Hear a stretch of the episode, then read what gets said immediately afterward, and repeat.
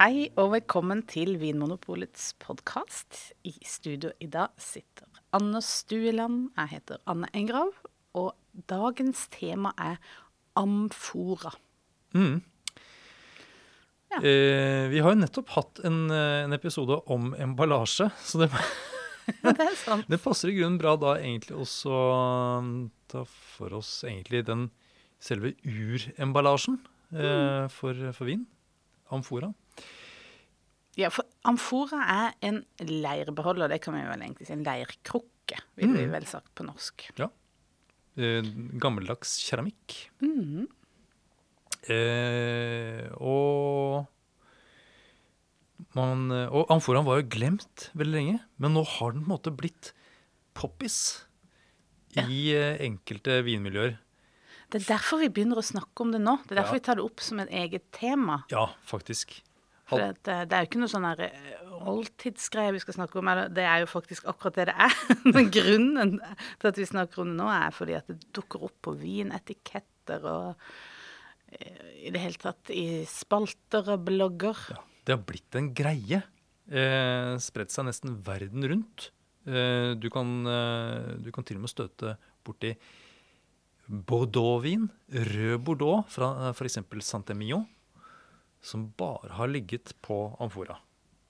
Og når det har liksom kommet sivet helt inn i liksom de konservative rekkene i Bordeaux, så tenker jeg da eh, Da har det blitt en greie. Ja, det er en slags sånn lakmustest. ja.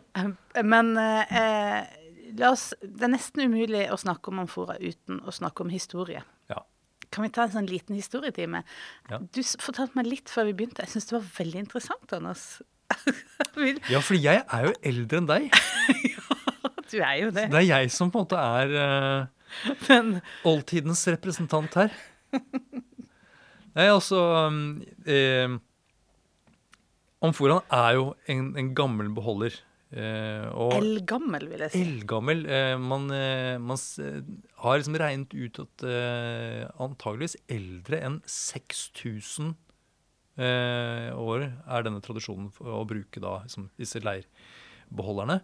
Ja, for det kan vi i hvert fall si med sikkerhet, for da har man funnet rester. Det er nettopp det. At de eldste restene til amforaer de er eh, datert til sånn omtrent 6000 år. Men så er det jo sannsynlig at det finnes, eller at det ble laget før det også. Mm.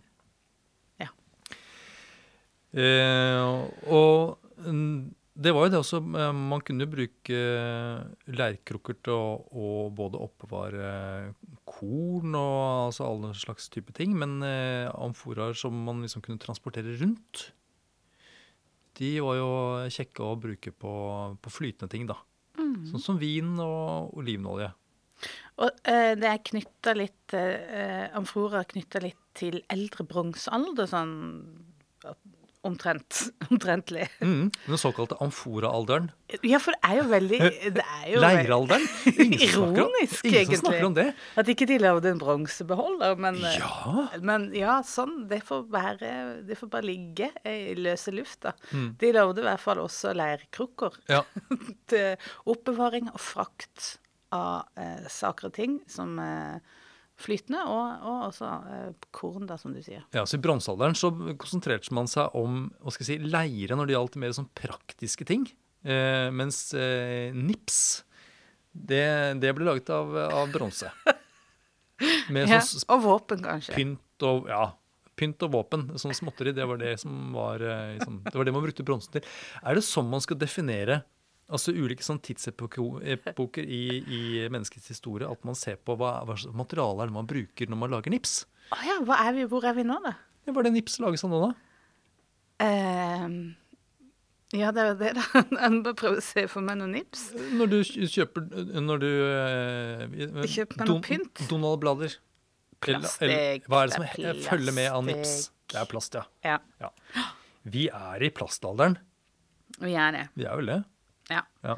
Vi må tilbake. Vi er i ferd med å skli ut av historietronen. ja. Det, uansett, amforaen en veldig gammel beholder. Eh, og det er jo i gamle amforaer at man har funnet da liksom de eldste restene av både eh, druestein altså, ja, og vin. Mm. Ja.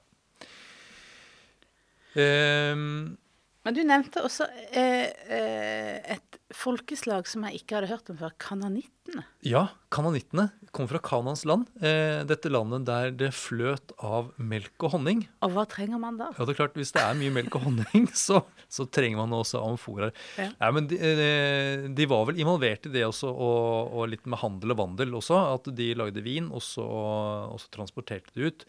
Egypterne holdt på med det. Også ikke minst fønikerne. eh, disse middelhavsfarerne, altså Middelhavets eh, logistikkforbund. Eh, eh, oldtidens svar på FedEx og DHL. Ja.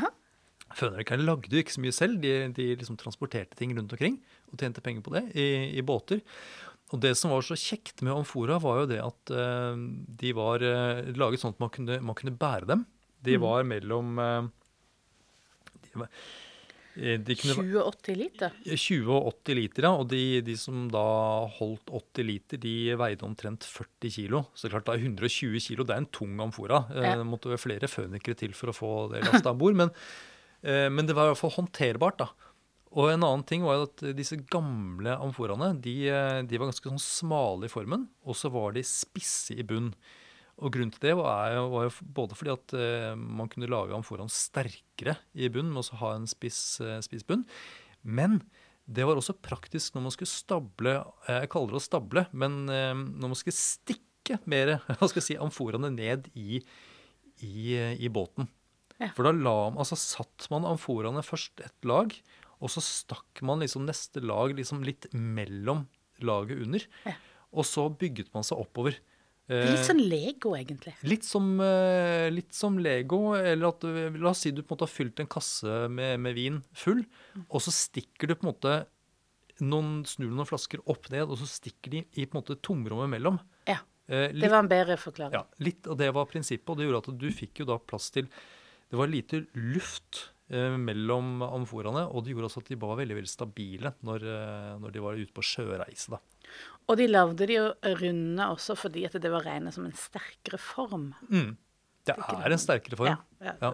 Det er en sterkere Ja. form. Derfor er jo egget En solid konstruksjon. So solid konstruksjon, ja. Det er rundt. Uh, Fins jo ingen firkantede egg.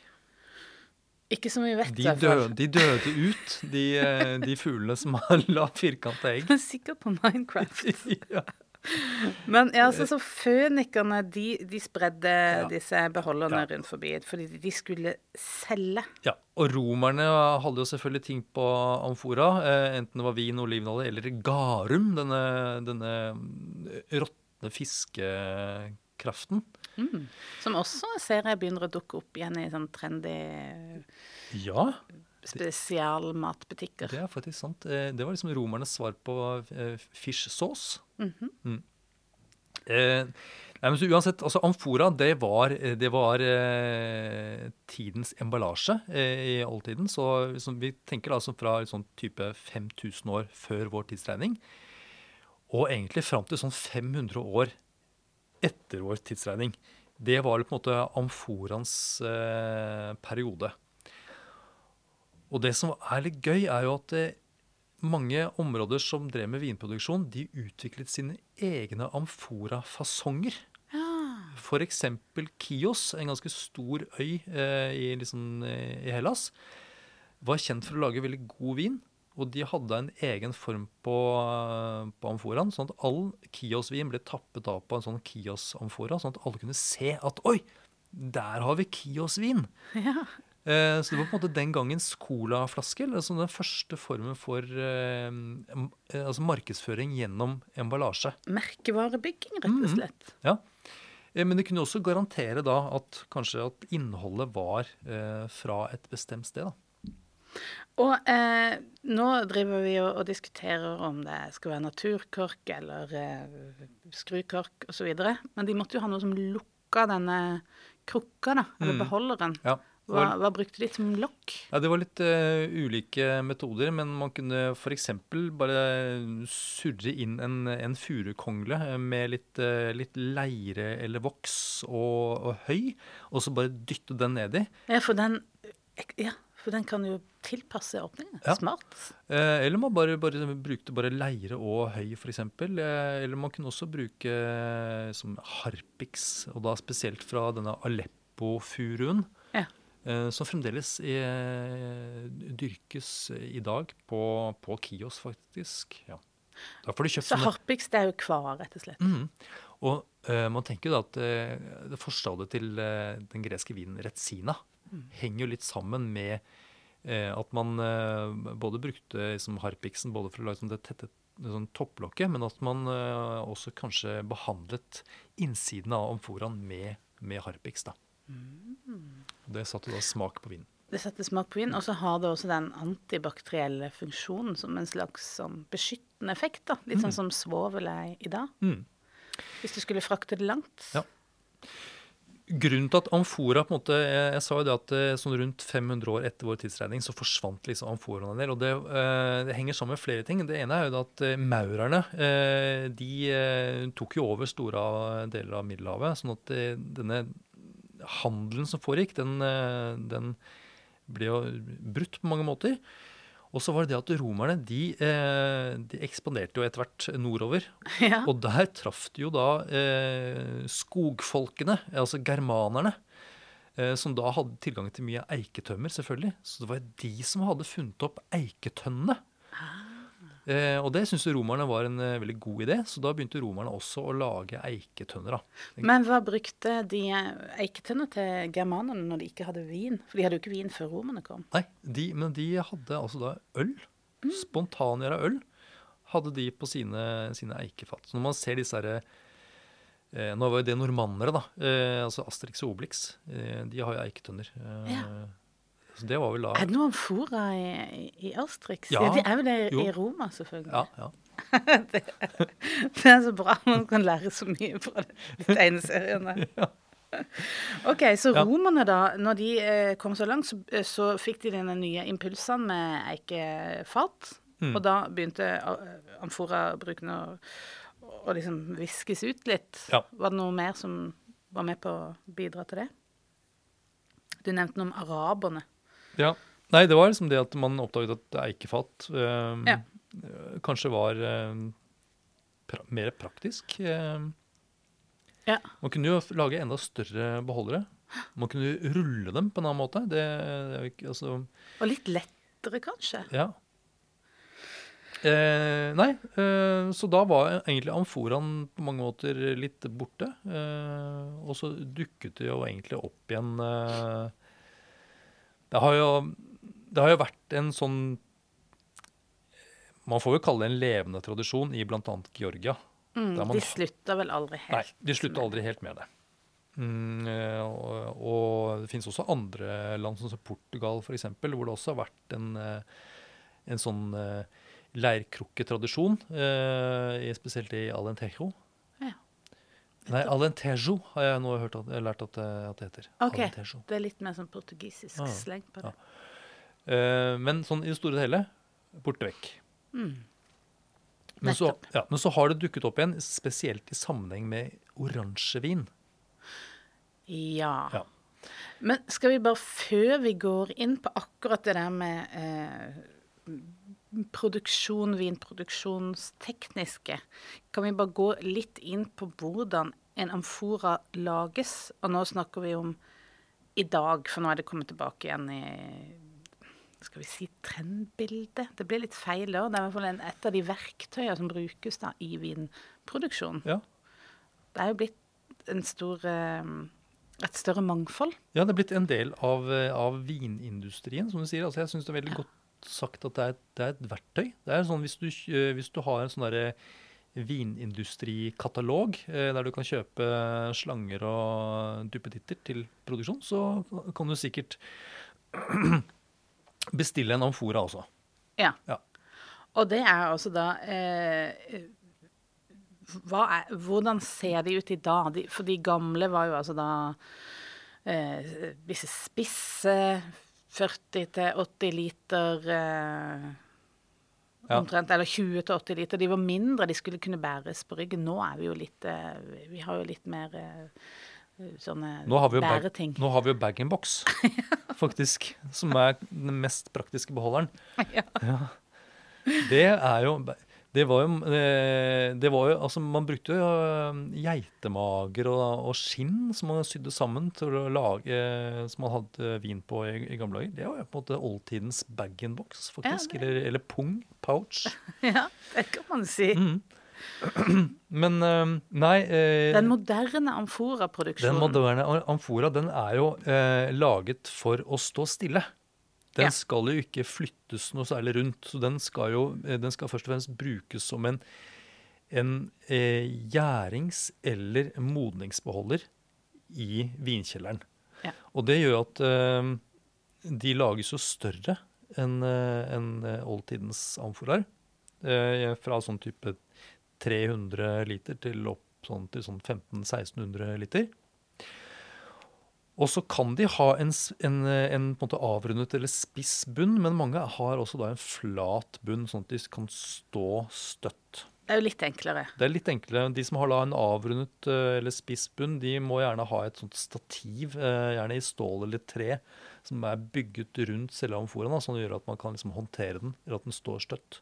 Mm. Eller graves ned i bakken, som jo også mange gjør, da. Det er faktisk sant. Det er jo at det er jo liksom eh, to egentlig vikt, et viktig valg eh, produsenten gjør. Eh, skal de ha liksom amforaen stående løst og liksom kunne flyttes rundt i kjelleren, eller skal den graves ned?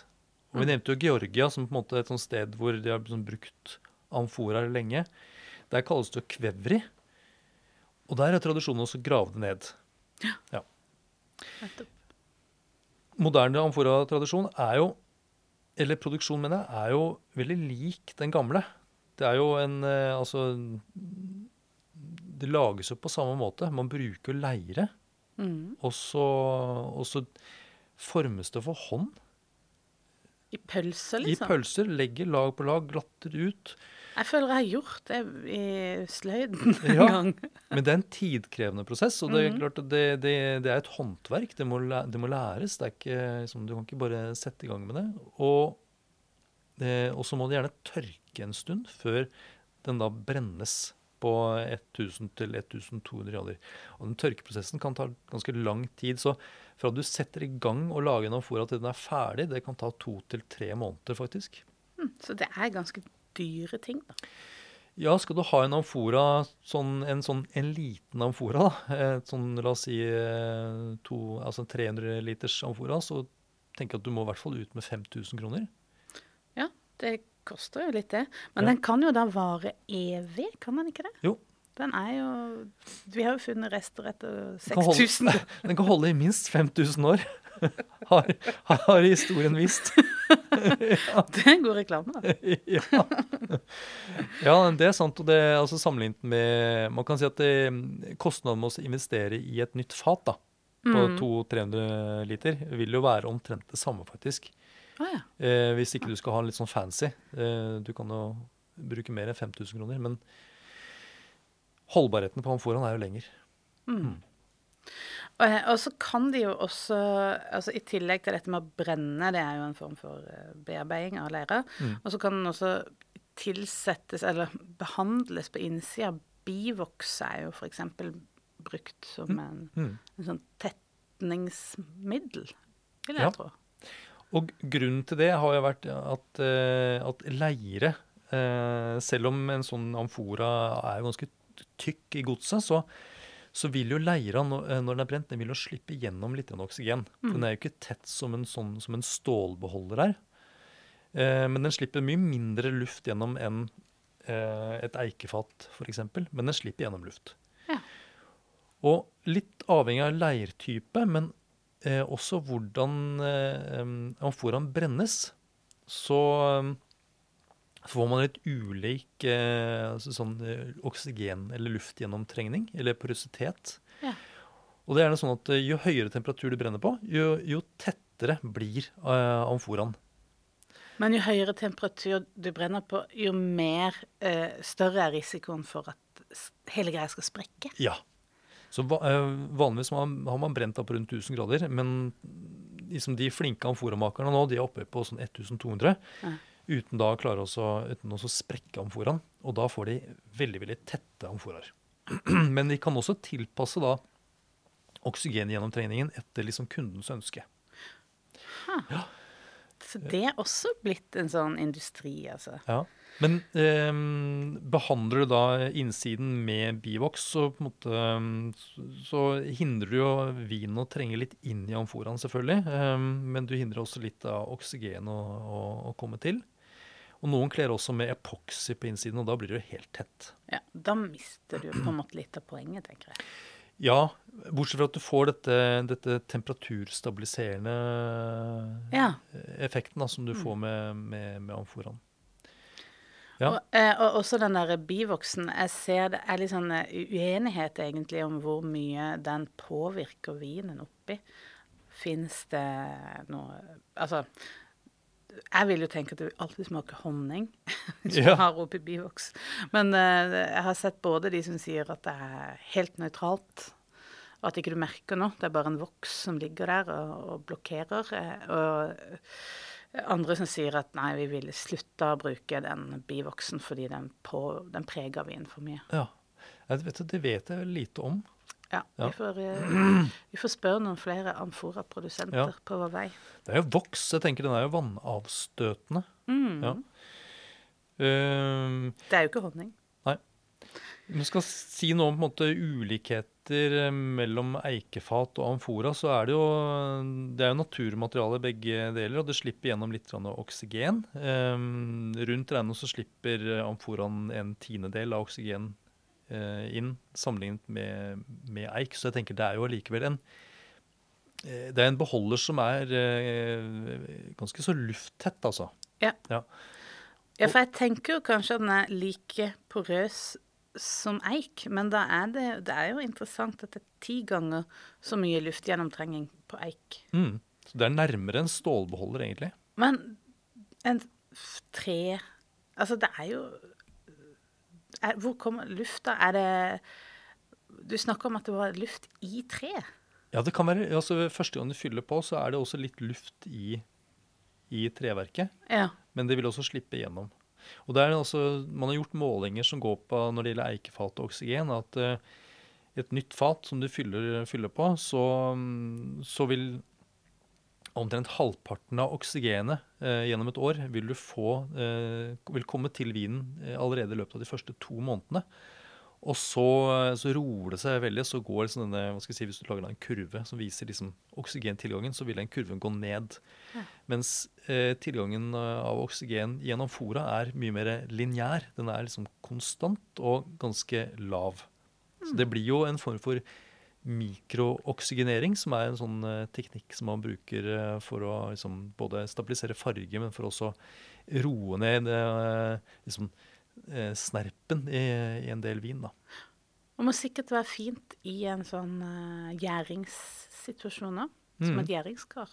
Ja, man sier at den der litt sånn avrunda fasongen da, på en amfora er veldig bra for, for gjæringen. At det, det, det, det tillater en form for sånn turbulens i, mm. i, eh, i vinen. Det, det dannes jo kullsyre under gjæringen, og den, den flyter jo opp, ikke sant? Mm.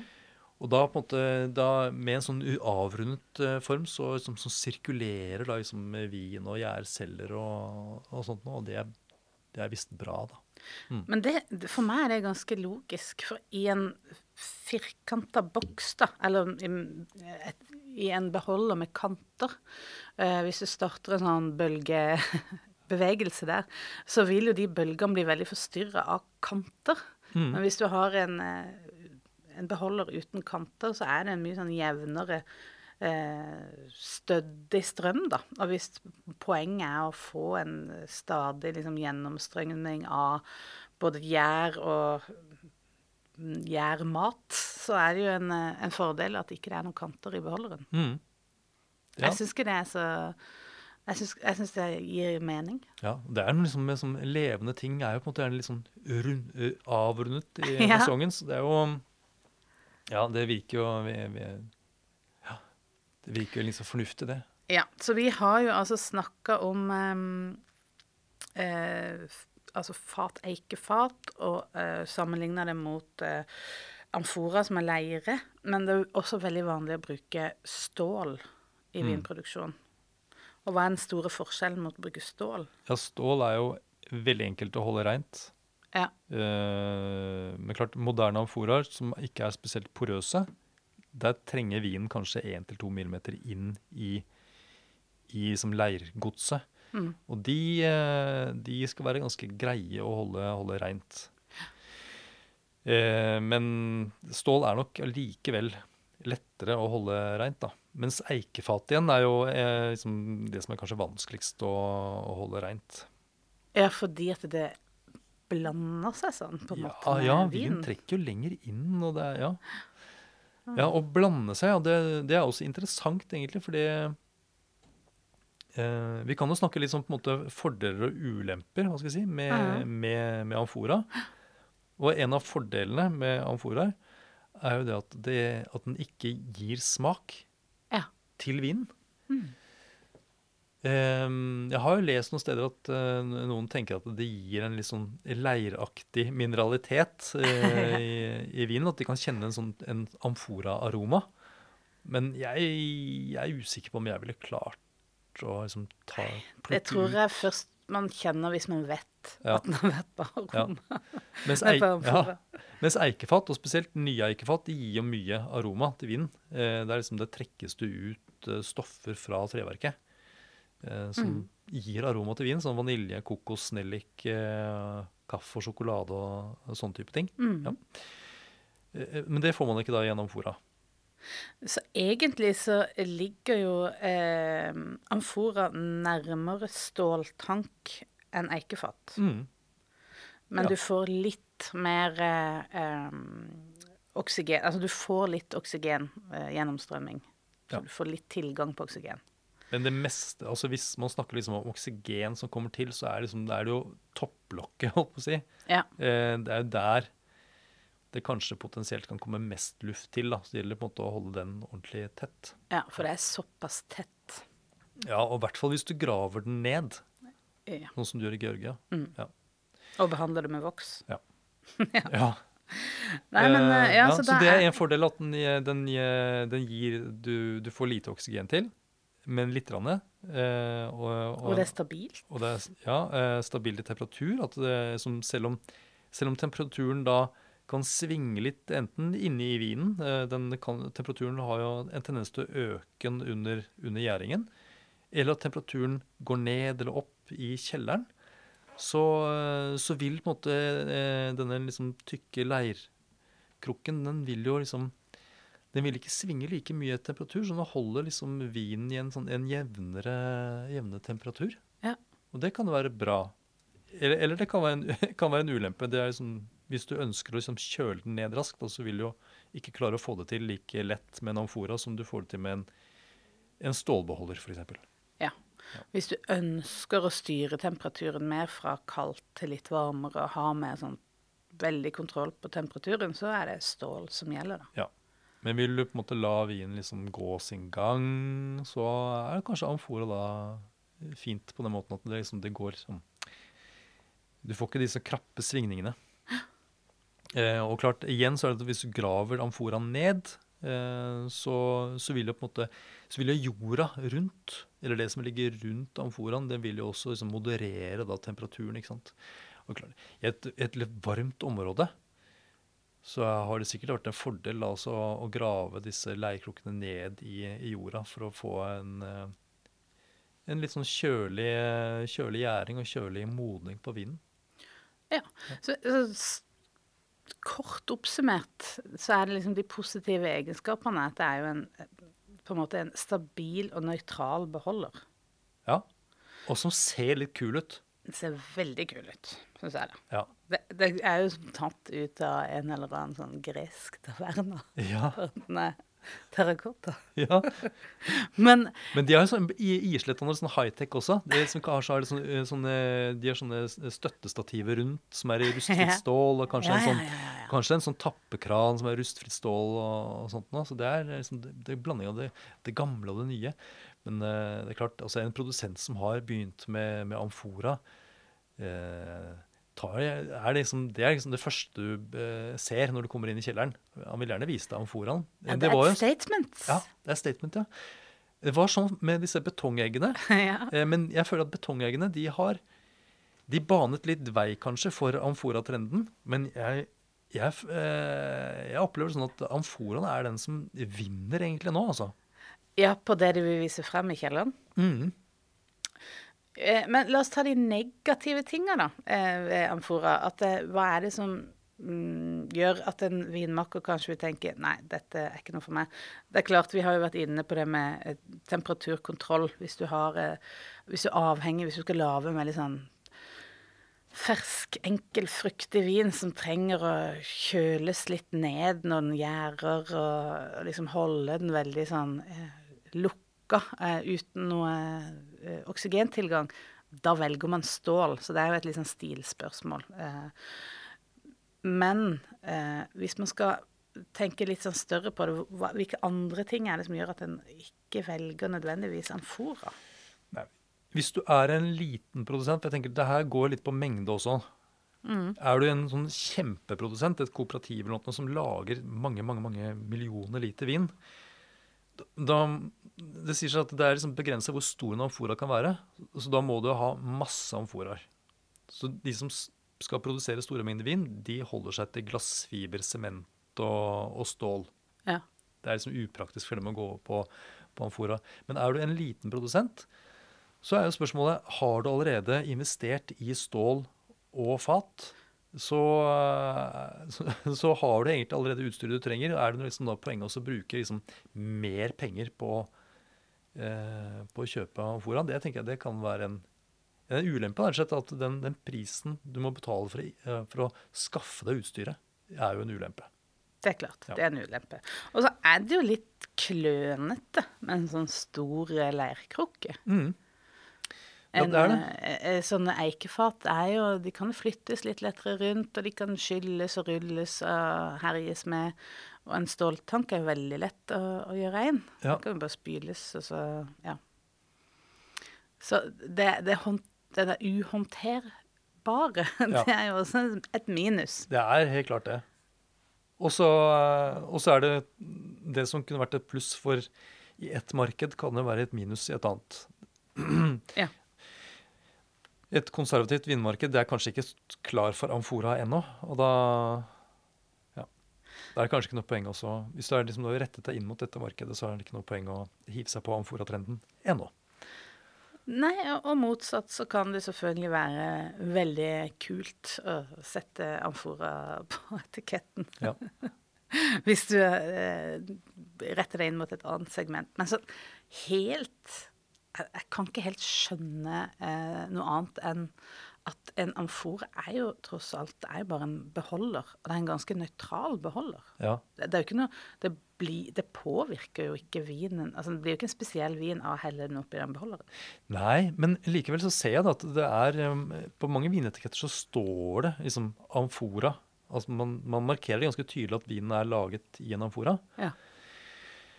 Eh, og det er jo noe med at de som har som plukket opp amfora-trenden, satt den på vinkartet igjen, for å si det på den måten, det er jo disse som holder på med naturvin eller oransjevin. Mm. Og det er klart at eh, de har jo eh, eh, preget eh, kanskje eh, liksom hvordan folk tenker at en amforavin skal smake, da. Ja, det er, der tror jeg du er inne på noe. At beholderen er blitt kjent på grunn av vinen som er blitt lagd. Ja, Men ikke, det er ikke nødvendigvis en sammenheng mellom eh, den uh, krukka Nei, det ikke og den stilen. nettopp at det er ikke beholderen, det er ikke amforaen i seg selv som eh, lager eller gjør at vinen smaker som den gjør. Nei, det er veldig mange andre valg som må til da. Ja. Mm. Eh, og da, og da Det er fullt mulig å lage en eh, vin på amfora som smaker helt streit. At du f.eks. Eh, presser, presser druene sånn at du har en, bare en most, og bare har den oppi amforaen. Mm. Og så gjærer den der og modnes, og så tapper du den på flaske, og så vil den Smaker ikke så ulikt egentlig en, en, en streit hvitvin eh, som er produsert på, på stål. Ja. Du kan tilsette gjær hvis du vil det, f.eks. Eh, og du kan jo filtrere vinen etterpå og sånt noe. Ja. Men man kan jo si det sånn at den eneste beholderen som både slipper gjennom litt luft, eh, og som er helt nøytral Altså ikke tilsettende. Blir det ikke riktig å si? Mm, ja. Eller så vil det jo enten være da hvis vi bruker ja, Gamle eikefat kan jo også være ganske nøytrale. Gamle, store eikefat Ja. er jo også det, egentlig, men ja. Og de slipper altså da, på en måte, da er jo Hva skal jeg si eh, I store fat så er jo også graden av liksom, oksygentilgang mindre enn i små fat. Ja. Ja. Og de er også gjerne tettet med sånn vinsyre eller vinstein eh, i Ja. sånne, sånne gamle fat. At de har liksom lagt seg sånn belegg på innsiden som gjør dem som enda tettere. Så Ja. ja. Altså, det er Det, Det er mange finnes- faktorer her. Det er veldig mange faktorer. Ja. Men eh, det kommer, vi kommer ikke forbi at det ser kult ut. Det ser kult ut. eh, og, og sjansen er jo stor for at eh, hvis du kjøper en amforavin, Mm. så, så er det en stor sjanse for at det er en vin som er laget med lite eller ingen bruk av svovel, f.eks. Og er det en hvitvin, så er det jo en stor sjanse for at det er en vin som har ligget en, en stund med, med skall og stein, da, sånn at du får en sånn oransje vinstil. Sånn har det i hvert fall vært. Sånn har det vært, men det må ikke være sånn. Nei? Og det er ingen, slett ingen garanti altså, for at det, at det er den typen vin du får. Og jeg må bare legge til at eh, noen produsenter, de, eh, etter at gjæringen er over på, på amforaen, så kan de tappe vinen videre på eikefat. Ja, kan, det er litt viktig ja, meg. så du kan godt uh, kjøpe en amfora-vin, men som har eikepreg. Ja. For å gjøre det komplett. ja. Men- Og, og så er det jo også en eh, ting, hvis man da har hørt på dette og får lyst til å prøve en uh, amforavin, Mm. kan man gå til spesielle land eller områder og tenke at dette er amforalandet, eller dette er amfora-appellasjonen. Hvor kommer de fra? Ja, Før så kunne man ha sagt liksom Georgia. Mm. Um, men nå har det liksom spredt seg overalt. Det er som Australia, Sør-Afrika, Frankrike. Jeg nevnte jo Bordeaux. eh, Ja. USA. Eh, det, altså, det lages jo amforaer rundt omkring i verden, og det lages amforavin rundt omkring i verden. Så jeg tenker at du, du finner det i ja, alle verdensdeler. Ja, det er akkurat det. Mm. Og det er ikke noen måte å egentlig Altså, det er ikke noen vinlover som sier at her er, skal det være med amfora, her skal det absolutt ikke være med amfora. Så du kan ikke liksom forholde deg til regelverket heller. Nei. Eh, Det er jo en måte å komme litt nærmere på det hvis man er interessert i å liksom sjekke det ut. Hvis man bruker eh, Vinmonopolets nettside, så går det an å søke i søkefeltet. Hvis f.eks. søker på um, Amfora, for eksempel. amfora. Jeg bare slenger ut et, et ord. Og det skrives jo både med f, og ph. Ja. Men uh, vi gjorde et lite sjekk eh, i stad, og det, du får opp også de med ph når du, søker, når du skriver amfora med f. Ja. Det bare, bare skriv. Amfora, Amfora, så får du opp uh, Jeg tror vi fikk Det var godt over 100 Ikke sant? Og da får du opp de som har registrert vinen sin med amfora i dette her metodefeltet vårt. Så Mm. dette, vi kan ikke liksom Det er det vi forholder oss til da. Eller at det står Amfora i, eh, i navnet til vinen. Kan også Ja, være en grunn. Men da er, hvis det står Amfora i, i navnet, så Da er du ganske sikker. ja. da er du ganske sikker. Vi hadde et, du fant noen flere navn som ble brukt om amfora, for vi sier jo det og bruker det. Men, men du var inne på kvevri. Det skrives jo med Q. Mm. Q-V-E-V-R-I. Det er veldig vanskelig. Det er bra sånn der, eh, sånn Scrabble-ord, egentlig. ja, sjelden man får brukt den Q-en. ja, det er det. Ja. Eh, og eh, eh, nå sier jeg det bare sånn jeg leser det. Tinaje. Tinaja. Tinaja. Ja. Så det er Tina Je. Det eh, det er også den portugisiske Nei, det var ikke portugisisk. Nei, det er spansk. Vi er på riktig Ja. halvøy, iberisk halvøy. Eh, Men Spania, Spania Ja. har en eh, men også da deler av Sør-Amerika, eh, har også en sånn eh, tinaja-tradisjon, eller i hvert fall noen som bruker det ordet da, om Ja, jeg så det i Chile, faktisk. Mm. Eh, og så har vi Talha. Ja. Da er vi i Portugal. Mm, Da er vi i Portugal. Portuges. Så det er jo også ord man kan kanskje bruke. Og vi sier jo lerkrukker, men jeg tror ikke det ville kanskje Det er ikke det. Det er ikke like raft å skrive i et sånt metodefelt. Nei. Uh, Det er jo samme greia, da. Nei. Jeg har jo plukket opp det at uh, bryggerier, altså ølbryggerier, har også Ja. begynt å lage øl på, på amfora. Interessant. Er det alltid spontangjøra det, da? eller? Nei, det vet jeg ikke. Nei. Um, nei. Men eh, så hvis noen norske bryggerier begynner, så kanskje man skal begynne med leirkrukke. Ja, ikke sant? Så har vi selvfølgelig altså sider. Sider på, på amfora. Amfora-sider. ja, ja. Hallo! Hallo, liksom. Det er jo en eh, fantastisk eh, blanding av da nor norrøn og fønisk tradisjon. Ja. er det, det er så har vi bare sett starten på et, et amfora-eventyr, eh, egentlig. Jeg føler det sånn nå. Ja, eh, hvis jeg skulle sånn Jeg handler ikke i aksjer, men hvis jeg liksom skulle satset eh, noe sånn på, på aksjer, så kanskje jeg skulle liksom eh, investert i amfora bis Ja. business. Jeg vil bare fraråde lytterne på det sterkeste ta aksjetips fra Anne Stueland. ikke, ikke noen personer der, altså, bare for å ha sagt det. Takk for at du hører på Vinmonopolets podkast. Har du forslag til et tema i podkasten? Send mail til podkast at vinmonopolet.no. I tillegg svarer kundesenteret deg på e-post, chat og telefon.